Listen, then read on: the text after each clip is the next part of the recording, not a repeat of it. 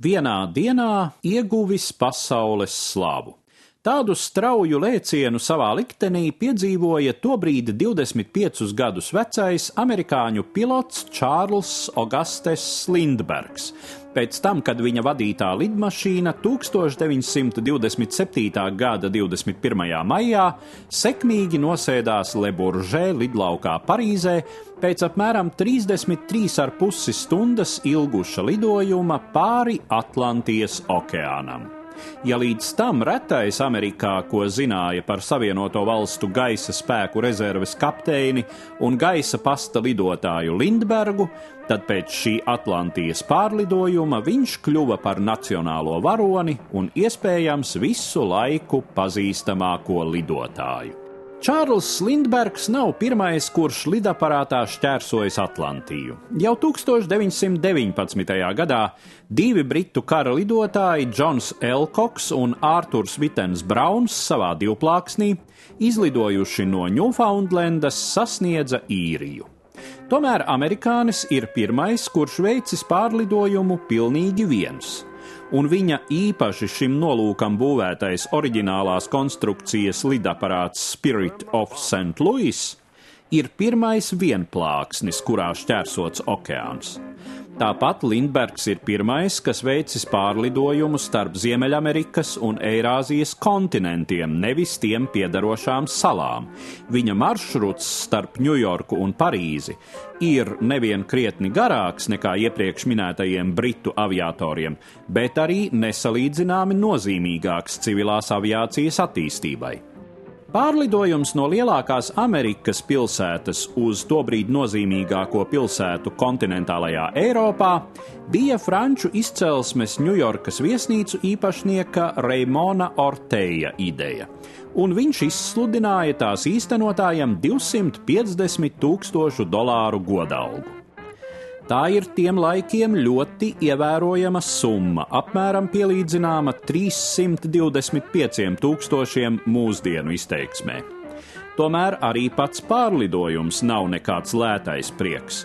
Pretendentam bija jārēķinās, ka veiksmes gadījumā viņš labi ja atgūs ieguldīto.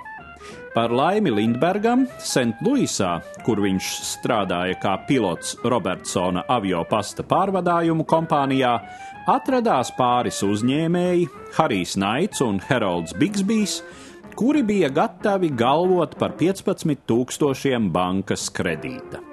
Tūkstoti pasākumā ieguldīja arī Lindberga boss Franks Robertsons un divus tūkstošus pats lidotājs. Lindberga lidojums nepavisam negāja kā pa sviestu. Nācās orientēties pēc debesu spīdekļiem, pacelties lielā augstumā virs negaisa mākoņiem, kur draudēja lidaparāta korpusa apledošana. Brīžiem bija jālido tikai dažus metrus virs okeāna viļņiem, vairākas stundas pilnīgi necaurredzamā miglā un briesmas, kā izrādījās, draudēja arī pēc nolaišanās. Leburžē bija sapulcējies, kā lēš savus 150 tūkstošus liels pūlis. Sajūsminātie sagaidītāji turpat pusstundu vārda tiešā nozīmē nesāja pārgurušo pilotu uz rokām, bet suvenīru kārotāji sadomāja izgriezt gabaliņus no lidmašīnas audekla korpusa. Par laimi lidlaukā esošie franču kara lidotāji, kareivji un policija, draudot ar ieročiem, paglāba lidotāju un lidmašīnu no saviem nesaprātīgajiem līdzpilsoņiem. Bet tuvākajā nākotnē Čārlzu Lindbergu gaidīja triumfs.